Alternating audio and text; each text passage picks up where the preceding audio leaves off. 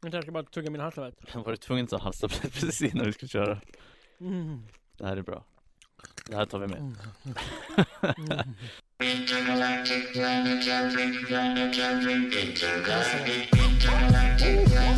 Flexa, flexa. Oh!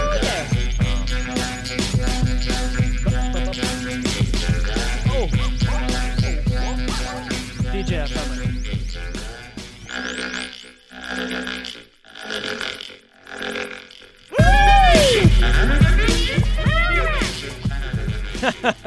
Vilken låt den där va? Ja, vilken, alltså de är otroliga. Intergalactic, och varför tror du vi spelar upp den låten? Jo men det är så här att vi lovade ju faktiskt våra lyssnare förra avsnittet Mm. Du märker att Det var länge sedan. snurrig, det är länge Ja. sedan Att vi skulle prata om just månlandningen, och kanske mer precis om konspirationen Eller konspirationsteorin bakom månlandningen Exakt. Eh, Har vi varit där? Eller inte. Eller inte? Men, vi kanske ska börja med att säga att det här är avsnitt tre, Säsong två tre. det, det kan inte vara så svårt. Fan? Det är inte så många säsonger, det är liksom inte Modern Family eller eh, vad heter den andra, den här såpoperan som gick eh, hur länge som helst. eh, Seventh Heaven Seventh Heaven. Oh yeah Eh, men hur som helst, Mm. eh, så konspirationsteorier och vi är fortfarande sponsrade av, Av utbildningsförvaltningen i Botkyrka Så det, de är våra hjältar där borta de alltså. bara slänger pengar ja, på oss. Ja, ja, uppifrån gröna huset Det är otroligt. Ja, de, det är ju så, de sitter ju uppe i ett, i ett väldigt högt grönt hus De syns liksom lite så Lite som Mordors torn så Ja men Där, exakt sit, så där är sitter det. de och kastar pengar på oss Exakt så är det. Och Men som, tack för det! Ja men tack verkligen. Eh, och som sagt, konspirationsteorier, förra veckan, eller förra veckan var det, förra avsnittet så Mhm. pratade vi om eh, vad konspirationsteori är för någonting. Mm. Eh, vi gav några historiska exempel. Mhm. Du bakade ihop en liten konspiration där kring VM 94. Det gjorde vi ja. Det gjorde Och så vi. sa vi då att vi skulle prata om månlandningen. Mm. Den ultimata konspirationsteorin. Innan vi, innan vi sätter oss i tidskapseln Mm. och eh, avfyrar oss själva bakåt i tiden kommer vara många sådana många liknelser. raketreferenser i det här avsnittet. Mm. Vad heter keffa kungar på engelska?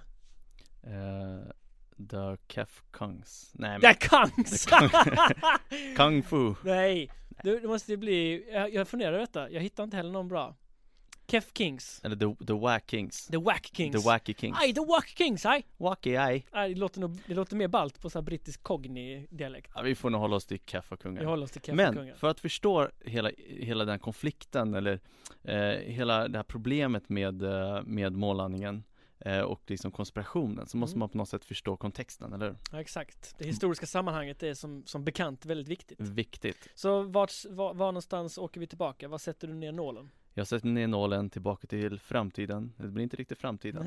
eh, men 1945. Andra Alltså- världskriget har precis slutat Exakt, och helt plötsligt har vi då två stormakter. Vi Mm. har Sovjet på ena sidan och vi har USA på andra sidan. mm. Och de har också två helt olika politiska filosofier Ja, om vi ska förenkla så är det kommunism mot kapitalism. Just det. Vem är det som är ledare? Det är, det är eh, farbror Stalin Stalin, Mm. Jag Joseph. kanske inte ska säga ammo Stalin för han är ju Nej, alltså, han, det, är, han har dålig ammokvalitet men det finns ju Han är goda ammo och mindre. Man gillar ju inte alla ammos. Nej så är det Det vet man ju. Men hur som helst, så att den här, den här konflikten kallas ju för kalla kriget. mm. Varför gör du det? Kallt krig? Eh, ja, varför kallas det det? Det handlar egentligen om att det var inget direkt krig mellan de här två länderna utan det pågick ju en massa olika konflikter liksom i bakgrunden. Mm. Eh, det är klart att det, det utfördes olika mil- militära liksom konflikter. Ja, det blev ju varmt flera gånger faktiskt Exakt, Alltså, det, det var ju Vietnam, väldigt nära. Korea och Ja, så vidare och. Kubakrisen var ju absolut nära att Då var det nära, skulle startas ett krig. Men det här kalla kriget var ju inte bara militärt utan det var ju också sportsligt. Mm. Det var ju en kamp mellan vilka som kunde liksom lyfta fram de bästa atleterna. Mm. Det här kunde ju vara till exempel i OS-sammanhang Mm. eller hockey. Sovjet hade ju otrolig, Ja jäklar, hockey- Makrov och vad hette de? Jag vet inte. jag kan bara Makrov Makrov, vi, vi tar Makrov. Ja, men Eh. de hade ju en första femma som, det gick inte att slå dem Exakt, tills dess att det var någon, något uh, ungdomslag eller så, något Ja, college-lag exakt. amerikanskt som slog. Det finns en film om det här. Miracle on Ice Miracle on Ice. Gå genast och se den Ja, jag tänker på Disney on Ice, men det är det är något Det är helt något annat. helt annat Så att den här konflikten, det här kalla kriget, var ju inte bara militärt och ideologiskt, det var ju också vetenskapligt. Och det är Mm. där rymdkapplöpningen kommer in. Just det Det är ganska sjukt egentligen att, på något sätt att båda lägren så att säga var ju övertygade om den andras ondska på något sätt. Mm. Alltså sovjeterna satt ju där och tänkte att eh, nu kommer kapitalismen ta över hela världen Ja. och USA är ute efter att liksom göra om, erövra världen i stort sett. Medan USA satt och tänkte att det finns kommunistiska spioner överallt och de, de vill erövra hela världen och göra alla till kommunister. Exakt. Så det blev ju någonting som genomsyrade i stort sett allting faktiskt. Och, och inte bara de två länderna utan det här påverkade ju otroligt många länder Mm. runt om i världen. Mm. På, I olika former av konflikter och liknande. Mm. Så att den här rymdkapplöpningen, den startar egentligen eh, 1957. Mm. Och det har att göra med att Sovjet då är ju de som, som leder den här kapplöpningen Mm. till en början. Mm. I, I och med att de lanserar Sputnik 1. Mm. Eh, vilket då var någon form av satellit som man skickade upp i, eh, i rymden. Mm. Den är ju, om man googlar på den och får fram en bild, den är ju gullig. Den, är- den är faktiskt gullig. Den är otroligt gullig. Vet du vad som föranledde Sputnik? Alltså precis efter världskriget, varför det blev en så viktig grej att kunna skicka upp grejer i rymden? Eh, spionage. Eh, Ja, faktiskt. GPS. Det, så är det faktiskt. Mm. Eh, det är en del av det. Man monterade till och med så här gamla kameror på eh, ballistiska missiler eh, som man sköt iväg för att se om det skulle gå att liksom spionera och ta foton. Och det är då Men- man har de här foliehattarna va? Ja. Nej men man visste ju att Sovjet har kärnvapen, Ja. USA har kärnvapen och man flexade musklerna med kärnvapen. Mm. Men man hade ju inte räckvidden. Alltså Sovjet och USA, Mosk Moskva och Washington ligger Mm. jättelångt ifrån varandra. Mm. Så man hade en idé om att kanske kan man skjuta kärnvapen genom rymden. Oj.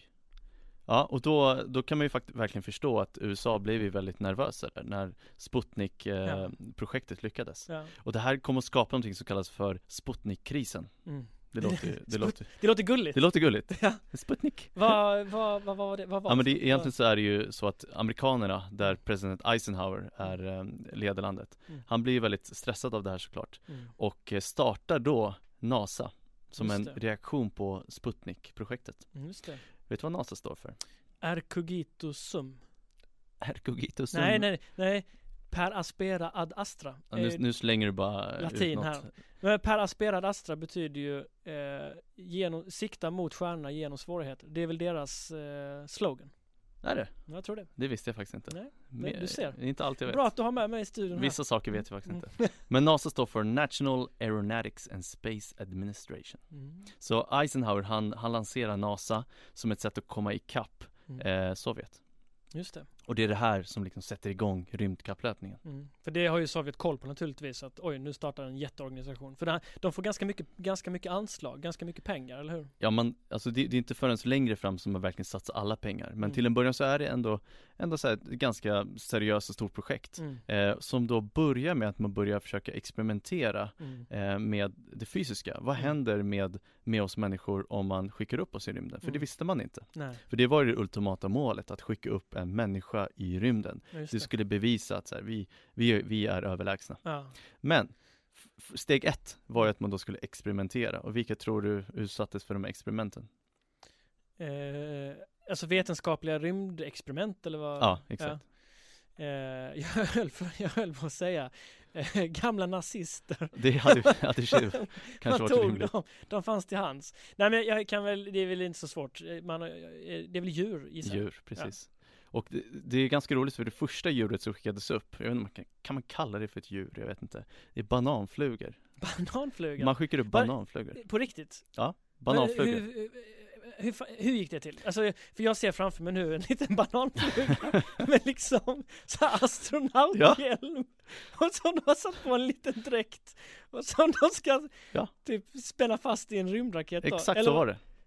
Eller, Nej jag skojar. Så var det inte. Men det är ju ganska, ganska rolig idé att man skickar ut, tror man skickar upp en bananfluga? Nej, Det hade också man, varit kul. Man skick, eller skickar man upp jättemånga då? eller? Jag, antar det. Det är 1947 så, så påbörjar man det här experimentet och då skickar man upp en massa bananflugor. Va, va, varför då? Jag fattar ingenting. För att liksom- se om de exploderar Ja, det är eller? s- steg ett billigt. De finns ju överallt liksom. Bananflugor. Ja, De är, det är lätt, man dör en bananfluga så hittar man en annan liksom. jo, jo. Så till, till en början var det ganska primitivt, de skickade upp bananflugor. Eh, och eh, den första raketen som USA använde sig av, det var faktiskt en nazistisk eh, raket. Just det, för det var Werner von Braun. Eh, han var väl raketingenjör för Nazityskland. Exakt, Det här vet jag för att jag kollade upp det här med eh, ballistiska missiler. Mm. Han uppfann ju den. precis. Mm. Den kallas för V2. eh, Mm. V2-raketen. Mm. Och det här var ju någonting som Sovjet och USA ville få tag i efter att Nazityskland hade kollapsat, få Mm. tag i de här ritningarna. Det Eh, är inte det lite kontroversiellt eh, att de använder så gamla nazister i detta? Det känns ju, Ja, alltså i alla fall idén och eh, ritningen Ja. som nazisterna höll på med. ja. Eller som de lyckades få fram. ja. För V2 användes ju under andra världskriget av Nazityskland. Mm. Så du kan tänka dig en bananfluga i en eh, nazistisk raket. Det, det är liksom, det, det, det är det jag- första. Nu fick jag sjukt eh, så här, op, op, eh, vad heter det, icke-PK-bilder i huvudet av en bananfluga som, som, som, som åker genom rymden och bara Sig hej, sig hej, sig hej! vi får hoppas att det inte var så. Det hade, det Fy det Alla vet att bananflugor är inte politiska. Nej, de är, Det är inga politiska djur. de är knappt några djur liksom. Men den, sen efter det, 1948, alltså året efter, Ja. så skick, skickar man upp den första apan. Okej, nu snackar vi. Vi snackar Albert, den andre. Albert den här låter kungligt. För jag, jag tror att första Albert, om, om jag inte minns fel, han, han dog ganska fort. Och det här var ganska Ja. vanligt, många av de här djuren som man skickade upp, Ja. de dog ju nästan direkt av överhettning eller något annat liksom fysiskt, eh, någon annan fysisk åkomma. Just det. Så man de- kan ju tänka sig att krafterna är rätt, det är rätt, det är mycket kraft när man skickar upp en raket, alltså G-kraft. Ja, men precis. lätt att Så Ja. den första apan skickas ju upp eh, och eh, dör helt enkelt, kvävs ihjäl, Albert den andre.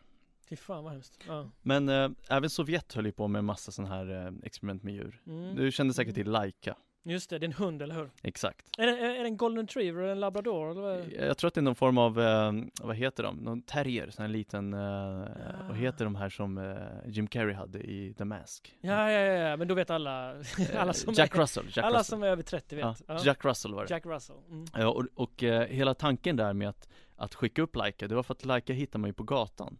Och man tänkte så här, en sovjetisk gatuhund är ju liksom den perfekta, det perfekta djuret som klarar av liksom alla former av utmaningar. Ja men det, det kan man, det är en tuff hund med andra ord. Ja, exakt. Men eh, Laika klarade inte sig heller helt enkelt. Han dog ju efter typ 5-6 timmar. Eller han, hon var det va tror jag. Jag Eh. dog i, i, i raket. Ja, och sen så fortsatte, sen eh, låg eh, Laika död under hela färden tills, den, tills dess att den kom tillbaka. Ja. Så till en början var det ju ganska många djur som fick sätta livet till. Mm. Eh, och då kan man tänka så här varför skickar man inte iväg grisar? För grisar liksom är ju ganska lika oss. Mm. Man kan till exempel om man har problem eh, med någon klaff så kan man sätta in en grisklaff. Ja just du tänker på anatomin Exakt. och sådana grejer. Hade man koll på det då? eh, Undrar jag. Det kanske man inte hade. Nej men då, det är ju säkert jättebökigt att skicka upp en hund eller en, en, en gris. Ja, de är stora i och för sig. Men en apa är, är också ganska lik oss. Ja men precis. Får man säga. Så, så till en början så var det liksom djur som skulle offras, eh, man skickar upp bananflugan, börjar ganska lätt Sen så började man skicka upp apor och hundar Mm. eh, Man har också skickat upp sköldpaddor, all, alla djur du kan tänka dig Är, det, är det så? Flodhäst? Nej inte flodhästar, det, är- det är väldigt stökigt att skicka upp en flodhäst Men vi skickar upp en flodhäst. Precis, eller en giraff, de är avlångt eh, skepp. ja. så, så såg det ut till en början mm.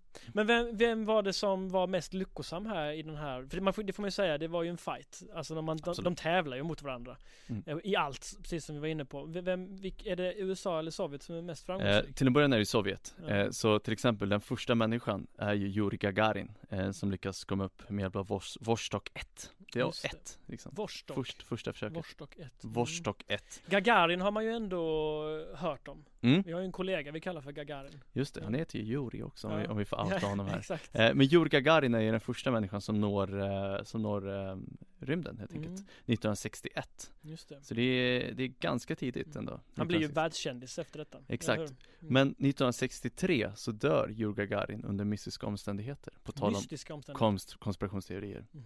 Det sker under ett, eh, ett test, han var ju pilot eh, Mm. och under, eh, jag tror han höll på att flyga en form av eh,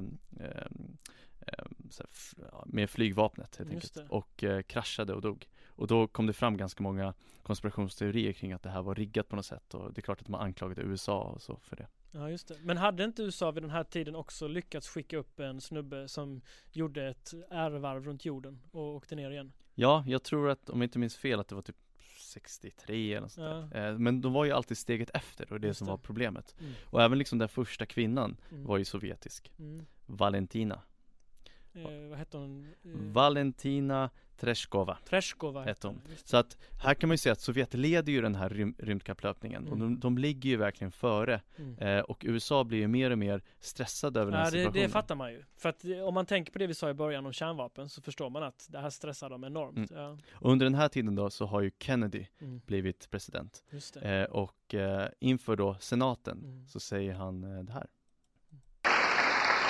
I therefore ask the Congress, above and beyond the increases I have earlier requested for space activities, to provide the funds which are needed to meet the following national goals. First, I believe that this nation should commit itself to achieving the goal before this decade is out of landing a man on the moon and returning him safely to the earth.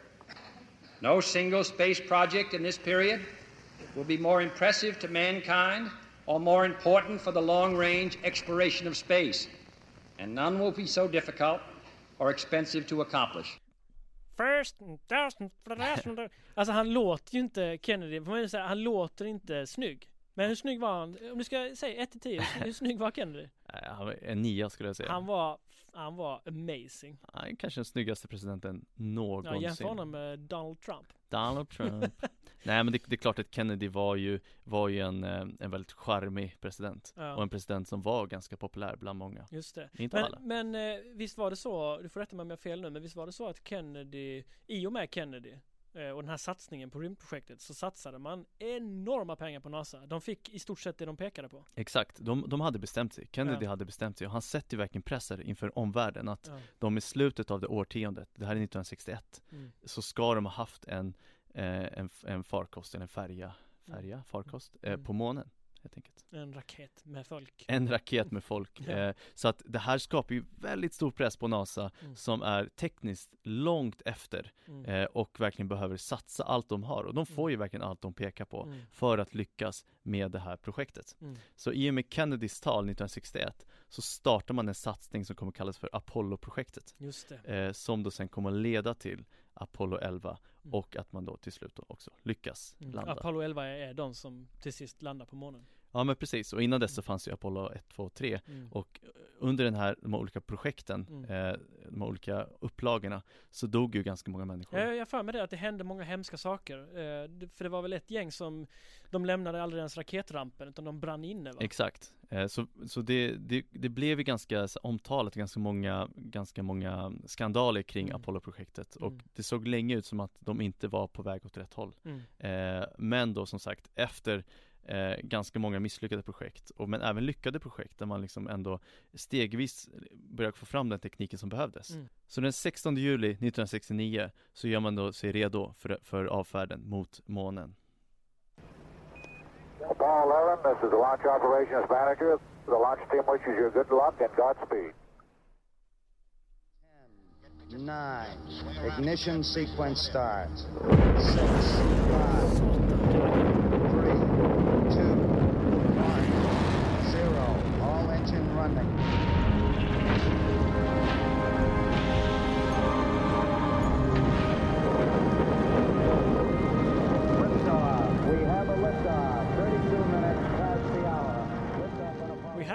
lift-off, we have a lift-off. Man får ju gåshud när man hör den här 10, 9. Nine.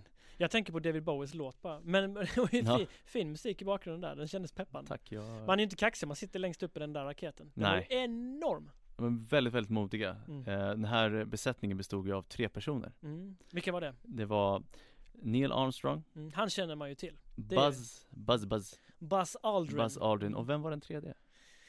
Ooh, Den tredje okända. you are putting me on a spot sir. Nej, det, det är inte så konstigt för man känner ofta till Neil Armstrong och Buzz Aldrin, men Ja. Michael Collins, han var ju den, eh, en form av pilot helt enkelt. Ja. Som- Han har inte fått mycket cred. Jag visste faktiskt inte ens vad han hette. Nej, och eh, han, han och eh, Buzz och Neil, Mm. eh, de då påbörjar den här färden på ungefär 385 000 kilometer till månen. Så det är ganska långt. är långt. Och det här, det här var någonting som tv-sändes såklart, för det var en del av propagandan. Att man skulle skicka ut att Mm. nu påbörjas det här projektet till det. där USA lyckas att Mm. sätta eh, människorna, eh, de första människorna på månen. Mm. Men hur, hur svarar ryssarna på detta då?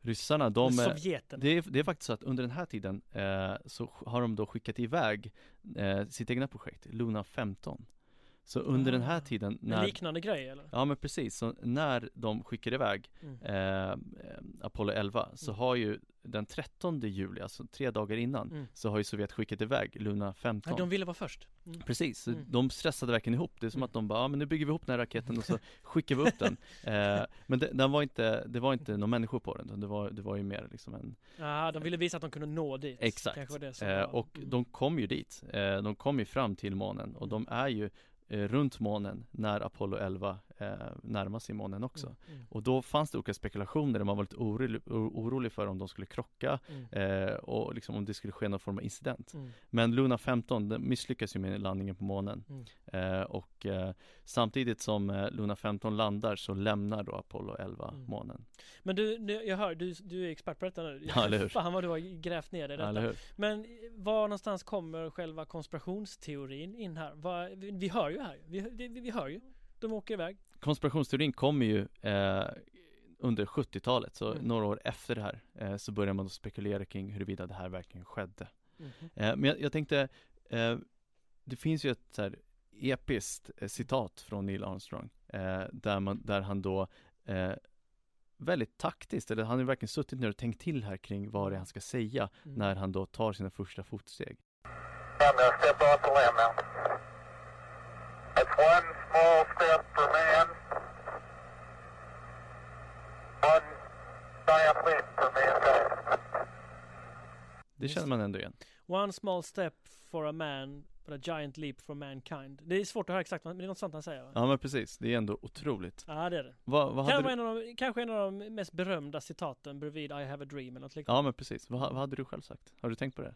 Det är, det är ändå viktigt, du tänker så här 650 I'm miljoner alive! I'm alive! I did it! 385 kilometer, 380 Eh, nej den är lurig, vad hade man sagt? Alltså det är nog som du säger att han, det, är, det är säkert förberett liksom. Ja, ja, ja, det För jag menar, de här tre, det, det måste ju också varit förberett vem som tar, för, vem ska få gå ut först? Ja. För att, stackars Buzz, stackars Collins. Men är det verkligen stackars Buzz? Jag tänker så här, han, han, jag tror han är jätteglad att han bara får hänga med Vadå, var han en sopa eller vadå? Ja men det, det är lite den auran han har, jag vet inte. Det, bilden av Buzz är att han var ju inte lika seriös som Neil Armstrong.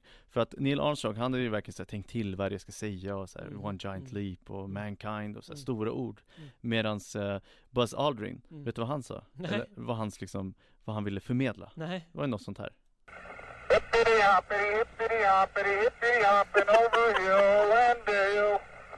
Da, da, da, です松本君でした。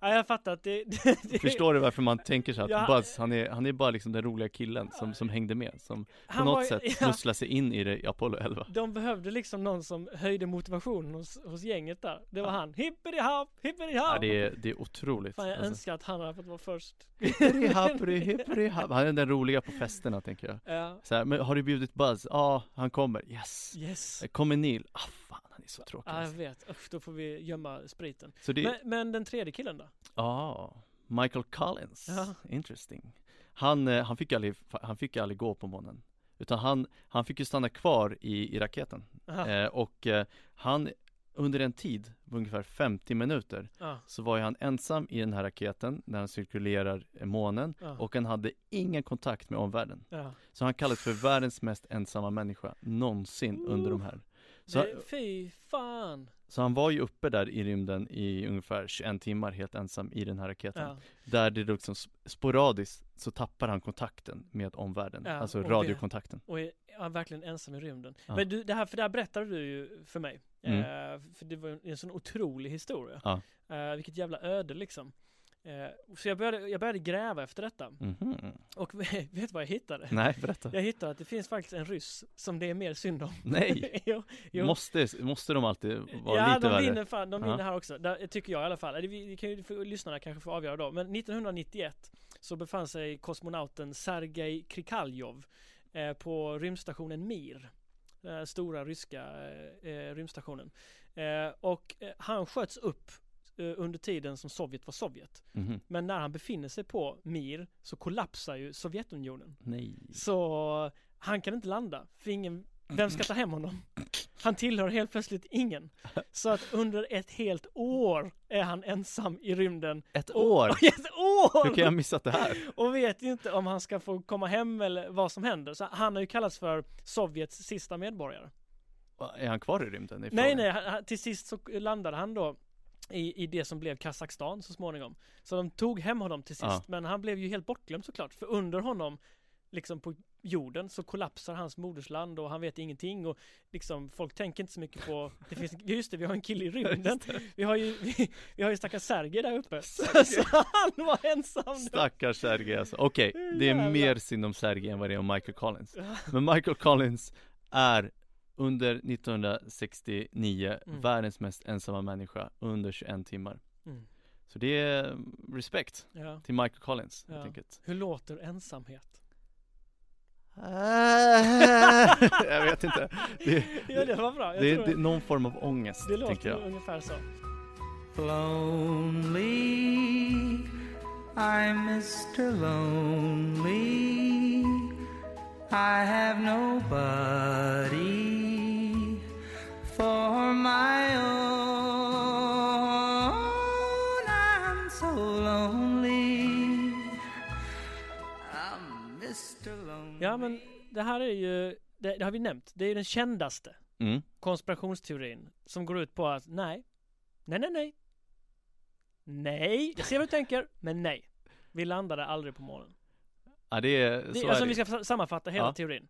Nej, Det händer inte. det hände inte. Och he- hela, hela konspirationen bygger på att man tror att det har spelats in i Hollywood. Just Att det. det här är liksom en produktion av Ja. Hollywood. Ja. Eh, och egentligen är det inte så jättekonstigt, det är konstigt, men det finns några förklaringar till varför det här kommer bli en konspirationsteori. Mm, Och mm, nu är vi inne på 70-talet när liksom konspirationsteorin börjar ta fart. mm. Eh, och det finns ju en jättestor skandal där eh, under 70-talet. Och jag tänker- Watergate. Exakt, Mm. Watergate-skandalen. Och det är då Richard Nixon. Mm. Och det börjar ju som en konspirationsteori. Mm. Man börjar liksom spekulera kring huruvida eh, Republikanerna har brutit sig in i Demokraternas eh, kvarter Mm. eh, och att de då det fanns- Spionerar. Exakt, att Mm. de avlyssnar eh, och att Nixon själv hade eh, liksom olika verktyg för att avlyssna Demokraterna. Mm. Så att den här konspirationsteorin kom ju sen att avslöjas som sanning. Mm. Och det är det som sen leder till Watergate Mm. och som leder till att eh, Richard Nixon, innan han blir då eh, inkastad i någon form av riksrätt, Mm. eh, hoppar av. Alltså, Ja, han säger tack och hej. han säger tack och hej. Ja. Eh, men han blir sen då benådad av eh, presidenten efter. Mm. För det, och det, är också, det här är också en tid när CIA är liksom USAs lilla jag vet inte vad vi ska kalla det egentligen, men de springer ju runt i alla möjliga länder och störtar regeringar och ser till att sätta dit marionetter som passar USA. Ja men precis. Eh, och eh, det fanns ju, eh, det fanns ju till och med, eh, vi är tillbaka i Kennedy-eran här, men det fanns ju faktiskt en, det har ju kommit upp långt efter, eh, något som kallas för Operation Northwood, Mm. där man under tiden då man misstänkte att Sovjet hade kärnvapen i Kuba och så vidare, Mm. och man var jävligt orolig för att de skulle skjuta dem mot USA såklart, så hade man ett intresse av att invadera Kuba. Och Mm. här har ju läckt då eh, sån här hemliga material eh, som är belagda och man vet att det är så idag, men man visste inte det då. Men att det var, fanns ju långt gångna planer från den amerikanska staten med Kennedy i spetsen att skjuta ner till exempel ett amerikanskt flyg med Mm. riktiga passagerare. Ja. Eh, och jag menar, när sånt kommer fram, ja, då förstår man att, så här, Ja. att konspirationsteoretikerna de, de liksom gör volter och slår knut på sig själva. Ja men precis. Och sen en annan förklaring är ju just det att USA låg ju så pass mycket efter Mm. eh, tekniskt och Mm. det fanns en stor liksom konspirationsteori och tankar kring att USA just för att de blev desperata Mm. blev tvungna att, eh, att ändå liksom övertyga omvärlden om att de hade lyckats med det här projektet Mm. och att de då kom att spela in det här istället. Att den Mm. desperationen Mm. ledde till att, ja men eh, de, de var tvungna att hitta en desperat lösning, vilket då var att man skulle fejka den här mållandningen och spela in den i en studio. Mm. Lite som att fejka VM 94. Mm. Mm.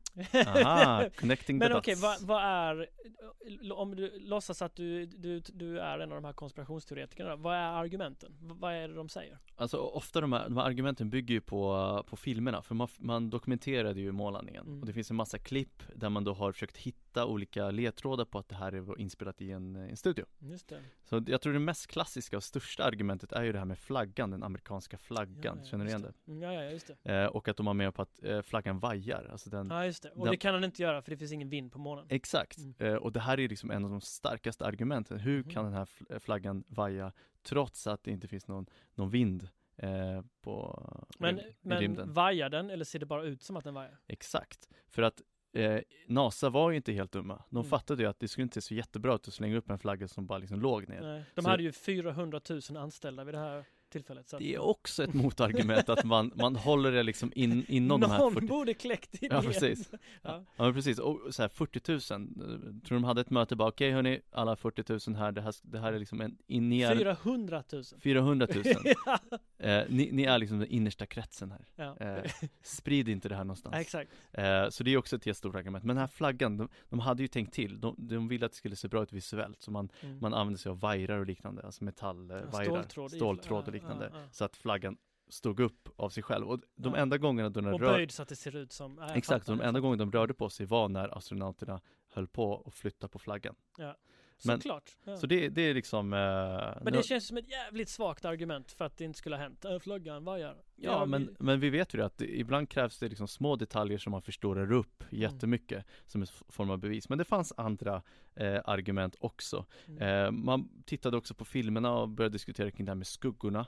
Eh, att Mm. ljuset som föll på både eh, Armstrong och Buzz, att det liksom inte stämde överens vad gäller liksom skuggorna som skapades. Mhm. Eh, och eh, det, här, det här blev ju också en, i efterhand, ganska dåligt argument. Att det här med att man försöker hitta skuggorna, att det, att det ser ut som studioljus helt enkelt. Mhm. Men det, det här kunde man också motbevisa eh, när man då, eh, med dagens teknik kan man ju faktiskt med hjälp av 3D-teknik, Mm. så 3D eller 4D, jag är osäker, men Mm. 3D, eh, där man då återskapade miljön Mm. och Mm. testade ljuset Mm. och kunde då bevisa att det faktiskt var sant, alltså Mm. att det inte eh, var ett felaktigt eh, ljus och skugg. Mm. Eh, ja, Shit, har så man ändå, ja okej mm. så jag, så jag menar liksom, alla de här argumenten eh, är ju ganska svaga eh, Mm. för konspirationsteorin kring, eh, kring huruvida det här hände eller inte. För det är, det är ju den, alltså det är den mest seglivade konspirationsteorin och den är ju liksom, det är en av de största. Och den är ju, på något sätt är den ju den ultimata liksom dolkstöten i den amerikanska statens Mm. rygg. Att titta här vad staten lurar i oss liksom. Precis. Det måste finnas mer. Alltså jag, jag har verkligen kämpat med att hitta, hitta goda argument. Men eh, en annan eh, argument var det här med strålningen. Mm. Man trodde inte att människor kunde överleva strålningen i, eh, i den miljön. Mm. Eh, det finns ju Det Det finns ju ett, en, en strålning som kallas för Van Allen, Van, Van Allen-bältet. Van Allen Van bältet? Allen-bältet. Mhm. Det är en form av strålning som, som då man menar på de, att de skulle dö av. Men det har, har man också kunnat motbevisa att den mängden strålning är så pass liten att det här är ingen, ingen Nej. fara helt Och enkelt. de är ju inkapslade i både raket och rymddräkt och allt Ja men möjligt. precis. Ja. Så man försöker ju, man är desperat. Vi kan ju gå in i ett kärnkraftverk idag med en dräkt utan att utsättas för livsfarlig alltså, Ja men precis. Så att det också ett svagt argument. Men Ja. det är det jag har. Men då undrar jag om inte egentligen det starkaste argumentet är just att man tänker sig att staten har gjort så jäkla mycket fuffens tidigare. Ja. Att det är klart att det här också är fake. Ja men precis. Så att det, det är ju kanske det starkaste argumentet, den kontexten man levde i, de tidigare skandalerna, eh, att det här blir någon form av, ja men fortsättning på tidigare skandaler. Sen har vi också det här, det nämnde jag tror jag i förra avsnittet, att, att om det vore så att det faktiskt var fake, om man leker med den tanken, det är Mm. fake. Men fan, då hade ju Ryssland, alltså Sovjet hade ju avslöjat det på noll sekunder. Man tycker det. De, de hade ju sprungit med den här Ganska nyheten. starkt intresse av att avslöja det. Men de, de kom att inte göra det. Nej. det är, än idag så har inte Sovjet eller Ryssland Nej. än idag gått ut med någon form av teori kring att det här är falskt. Exakt, men då säger ju naturligtvis konspirationsteoretiker att Ryssland är med på det. Exakt. Kina är med på det, alla. Ja. Ja. Det är ju lätt. Man utvidgar, det var vi inne på förra, man utvidgar sin teori helt enkelt Mm. bara. Men känner du till Stanley Kubrick? Eh, Ja, ja, res- eh, demonregissör. Demonregissören. Mm, mm. Vad, vad Clockwork Orange. Oh, Otrolig film. jättebra film. Mm. Han gjorde också en film som heter Space Odyssey Just det. eh, Som var samtida med eh, månlandningen Mm. Aha, den var samtidigt. Ja, den, eh, den, den utspelar sig Eller den spelas in 1968 Finns det någonting att man tog så här, ah, men titta här vad man kan göra på, med film? Exakt. Och jag, ja, jag satte mig ner och kollade på klipp från Space Odyssey. Mm. Jag kan säga att det såg inte bra ut. Det, Man såg ju nästan hur, hur de verkligen hade, hade kämpat med att få ihop eh, någon form av realistisk bild av rymden. Ja, ja. Men det här var ett argument. Stanley Kubrick, Hollywood Dumont-regissör Gjort Mm. Space Odyssey 1968, 1969 Oj vilken slump, man landar på månen. Mm. Man liksom slår ihop de här två och säger att men Stanley Kubrick Han är, han är otrolig Och han kan leverera Så man tror att Stanley Kubrick, en teori i alla fall är att Han han, är en del av det. han är med på det här Ah. Så jag menar, jag är ledsen, jag har inga bra argument, men jag har jättemånga motargument. En annan är ju det här med eh, att eh, vissa testade att eh, speeda upp filmen. Mhm. Du vet att allting går ju väldigt sakta på rymden, man hoppar runt här, och studsar. Mm, mm, mm. Eh, och då testade de att bara öka hastigheten och då menar de på, ah, så kolla, de går ju bara som vanligt. Men, men, men, men NASA har sänkt hastigheten så att det ser ut så att de liksom, tyngdlösheten är, är aktuell och, och liksom närvarande. Men äh, Fan vad man bara, jäklar vad man bara försöker dra till med vad som helst låter det som. grasping. Jag tror att vi, vi i den här podden, eh, vi kan ju bli världskända nu då, för vi har stuckit hål på alla argumenten. Mm. Vi kan konstatera att månlandningen ägde rum.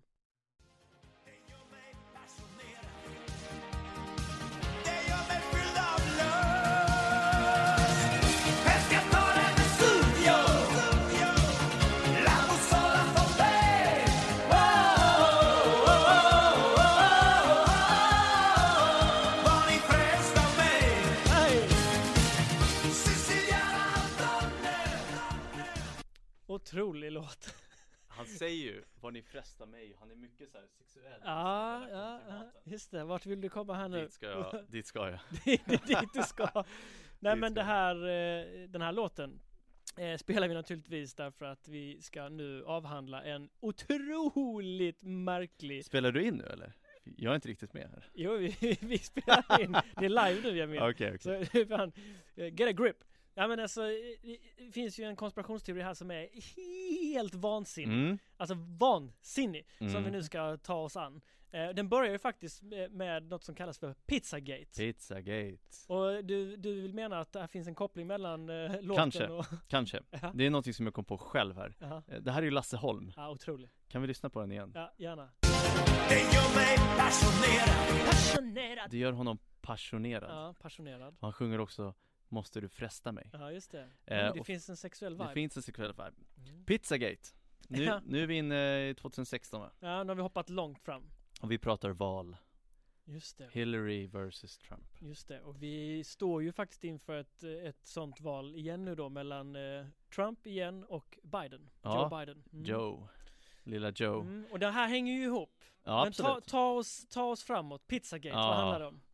Pizzagate 2016 eh, hela, den, hela den här konspirationsteorin, vilket det är Mm. Bygger på att man då lyckas hacka eh, e-post Mm. helt enkelt från en person, alltså Hillary Clintons kampanjchef John Podesta Mm. eh, Och det här är, är då antagligen Ryssland som ligger bakom Mm. eh, Där man då eh, hackar eh, John Podestas mail Mm. och man påstår att det här då leder till en stor härva, Mm. en pedofilhärva där man då med hjälp av olika pizzareferenser eller snabbmatsreferenser Mm. eh, kunde koppla ihop John Podesta med pedofili. Med pedofili. Såklart.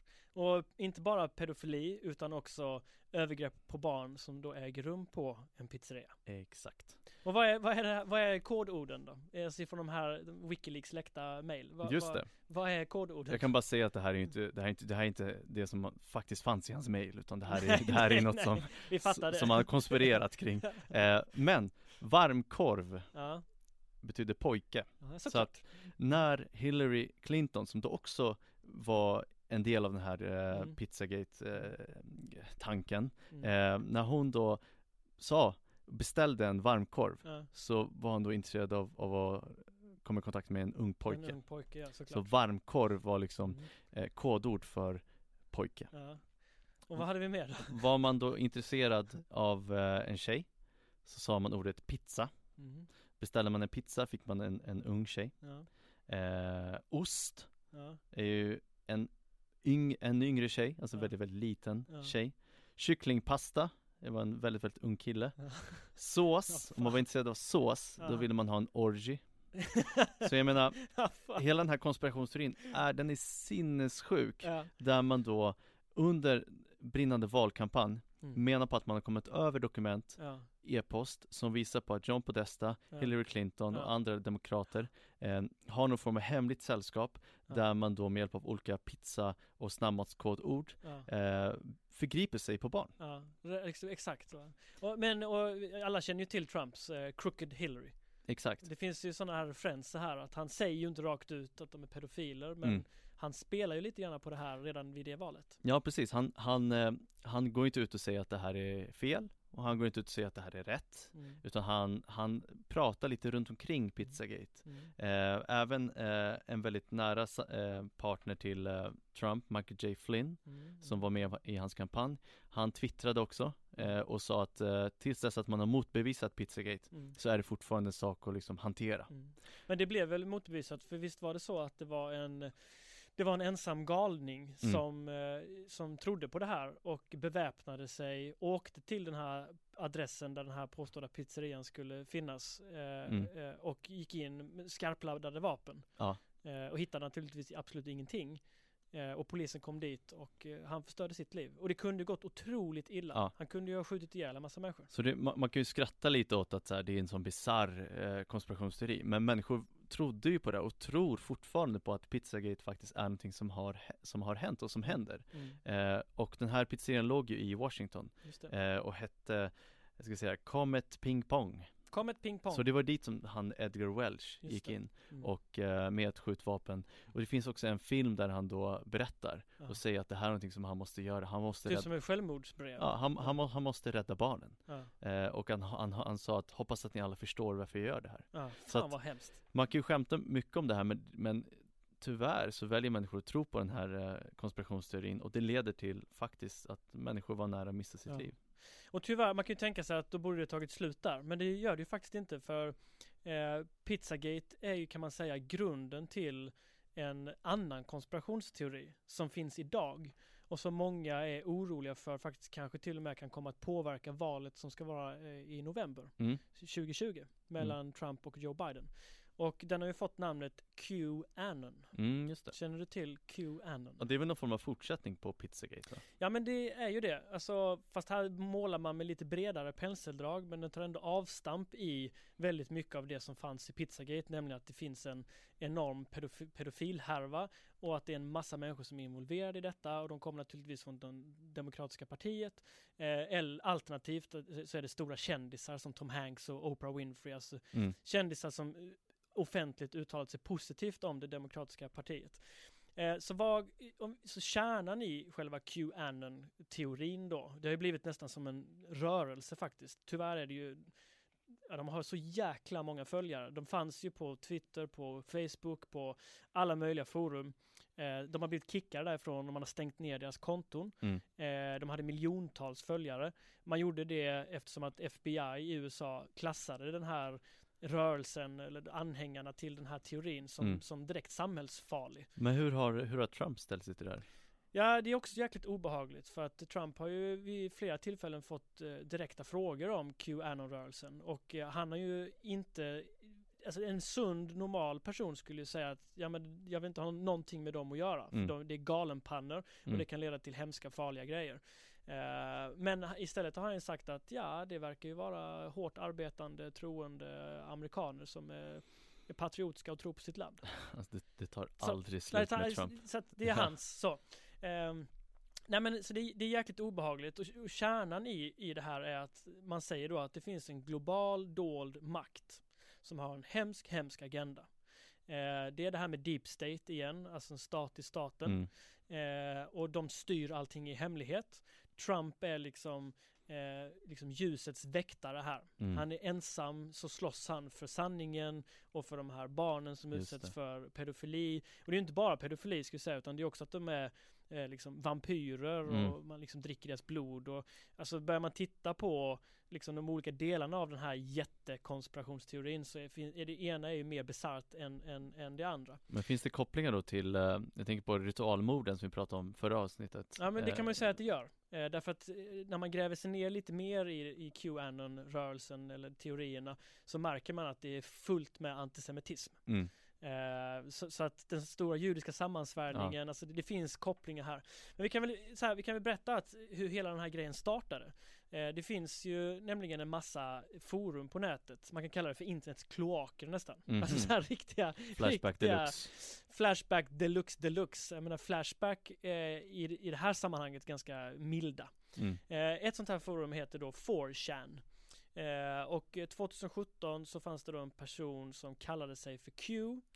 Eh, och ibland Q clearance. Och tittar Mm. man då vad det är för något så syftar det på den absolut högsta säkerhetsklassificeringen som finns inom energidepartementet i USA. Okej. Eh, och det betyder att du har tillgång till allt hemligt material som finns i den amerikanska staten i stort sett. Mm. Eh, så han hävdar ju då att han är en person med den här klassificeringen och så att han citattecken då läcker information om hur jävla onda eh, staten är och vilka onda saker de gör. Mm. Och får då en massa följare Mm. som läser och tolkar in det som, som eh, han då eh, läcker. Eh, och enligt då den här Q. Ehm, så, så kommer allt eh, så småningom att, att liksom kulminera i The Storm, nämligen ett stort inbördeskrig i USA. Och det är också obehagligt för det finns ju idag bedömare som faktiskt på riktigt talar om ett framtida inbördeskrig eftersom att det är så otroligt polariserat i Mm. USA. Eh, och det här är naturligtvis i, en, en, en del av det. Eh, och sen så har det här utvecklats och eh, QAnon, eh, QAnon-anhängarna läser ofta in då så dolda budskap i allt som Trump säger, vilka Mm. kläder han har på sig och så vidare. Alltså lite grann det här man plockar russin ur Just det. kakan grejen.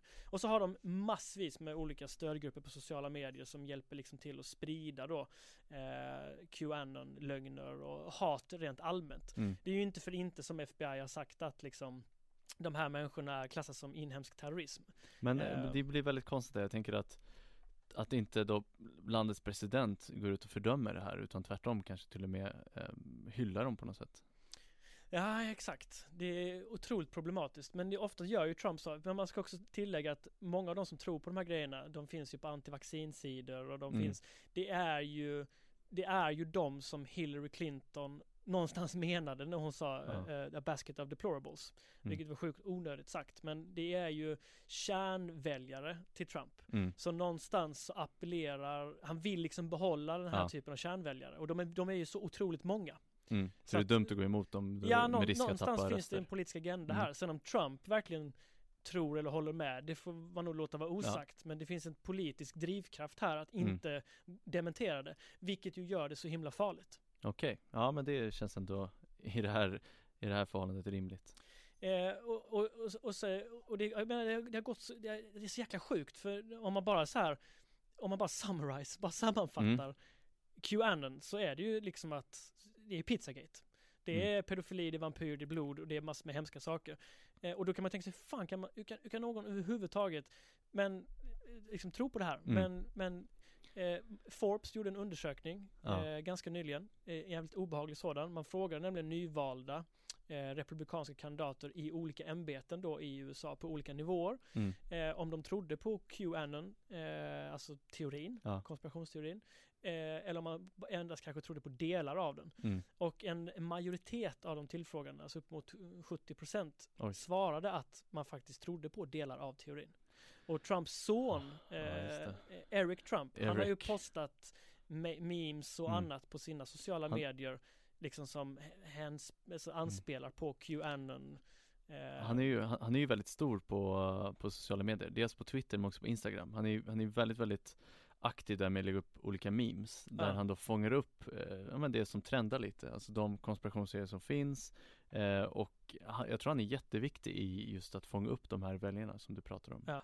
Ja, det, är, det, är, det är verkligen eh, obehagligt. Mm. Och det, nu är det ju, vi står ju där. Det är ju ett val Mm. alldeles strax. Mm. Eh, faktiskt. Hade du velat rösta, kunna rösta? Eh, ja, det, det, det, det tror jag faktiskt de allra flesta Ja. som är vid sunt förnuft känner att det hade man velat göra. Borde man inte öppna upp för hela världen, att hela världen får rösta? För det är så pass viktigt att påverka så pass Det är många världens angelägenhet liksom. Ja men precis. Ja. Men vi, vi ska ju faktiskt, eh, eh, vi får nästan göra det i nästa, i nästa avsnitt. Mm. Eh, prata lite grann om USA-valet, eh, Mm. historiska sammanhang, eh, vad som har hänt tidigare och så vidare. För vi står ju där. Och jag, tänker, jag, tänk, jag tänkte så här Jamil. eh, vi inför valet 2016 så Mm. gjorde vi, vi, vi försökte förutspå vem som skulle vinna och Ja. vad som skulle hända. Jag tänker vi ska göra det igen. Oh. Jo, jo det måste vi göra. Oh. Okej. Men, så jag tänker att du ska, få, du ska få börja. Vem vinner valet? Donald Trump eller Joe Biden? Jag tror att Joe Biden kommer att vinna. Med små, alltså små marginaler. Han kommer inte ha vunnit stort, men han kommer ändå ha lyckats vinna. Eh, och jag tror att Trump kommer att gå ut och, eh, som han då har sagt, avfärda resultatet, Mm. se att det här är en stor konspiration Mm. och han in, jag, tror- jag tror det, det kommer inte bli eh, smooth, så att Nej, säga. ingen Utan- smooth transition. ingen smooth transition, utan jag tror att, jag tror att Biden ändå tar det trots att han är trött. Ja, han är så gammal. Han är, han är gammal. Han är, Ja. vad är 78? Allt med honom är gammalt. 78. Han ska, han ska alltså eventuellt kunna sitta i åtta år till. Ja. ja. Om han skulle bli omvald, om han ställer upp för omval. Man Exakt. kan ju hoppas att eh, Kamala Harris i så fall Ja men precis. step forward. Men, eh, Okej. men jag Mm. tror ändå att Joe Biden löser det här. Mm. Och när vi lyssnar på det här nästa gång, Mm. Då kommer jag ha rätt. Mm. Ja, jag, då, så här, jag tror att du kommer ha fel. Nej. Jag tror nämligen att eh, den 3 november kommer vara en ovanligt varm dag. Mhm. kommer vara en sån där dag då man på nyheterna i Sverige säger så här varmt har vi aldrig haft det i november. Okej. Och det är märkligt för, eh, för fyra år sedan så snöade det så mycket i november att nästan aldrig sett så mycket snö i Stockholm Ja, den november. Så det kommer vara varmt, ovanligt varmt. Okej. Och vi kommer vakna upp där eh, efter den där natten. Så kommer vi vakna upp till att eh, Trump, precis som du säger, har förlorat valet. Mm. Men han vägrar acceptera det. Och eftersom att han har tillsatt så många domare i högsta domstolen så kommer det stå att valet ännu inte är helt avgjort. Utan att det kommer Mhm. bli en slags politisk strid som avgörs i högsta domstolen där Trump på något sätt kommer förskansa sig makten. Så att jag tror att Trump via Mm. många krusiduller och en ganska hemsk cirkus kommer att bli USAs nästa president ytterligare fyra år. Wow. Det var Det är, domedags. det är ändå domedags, Det är eh, domedags. domedagskänsla. Men du tror alltså att Biden kommer att vinna, men att Trump kommer på något sätt behålla makten? Ja, jag tror att Biden kommer få flest, om man bara skulle räkna röster, tror jag Biden kommer få flest röster. Ja. Men det betyder ju inte att man vinner i USA. Nej just det. Ja vi får se, vi, vi får, se. se. Du ja, målade upp en ganska dyster bild här men Usch, eh, det känns verkligen dystert. Ska vi avsluta avsnittet med ljudet av ensamhet igen då?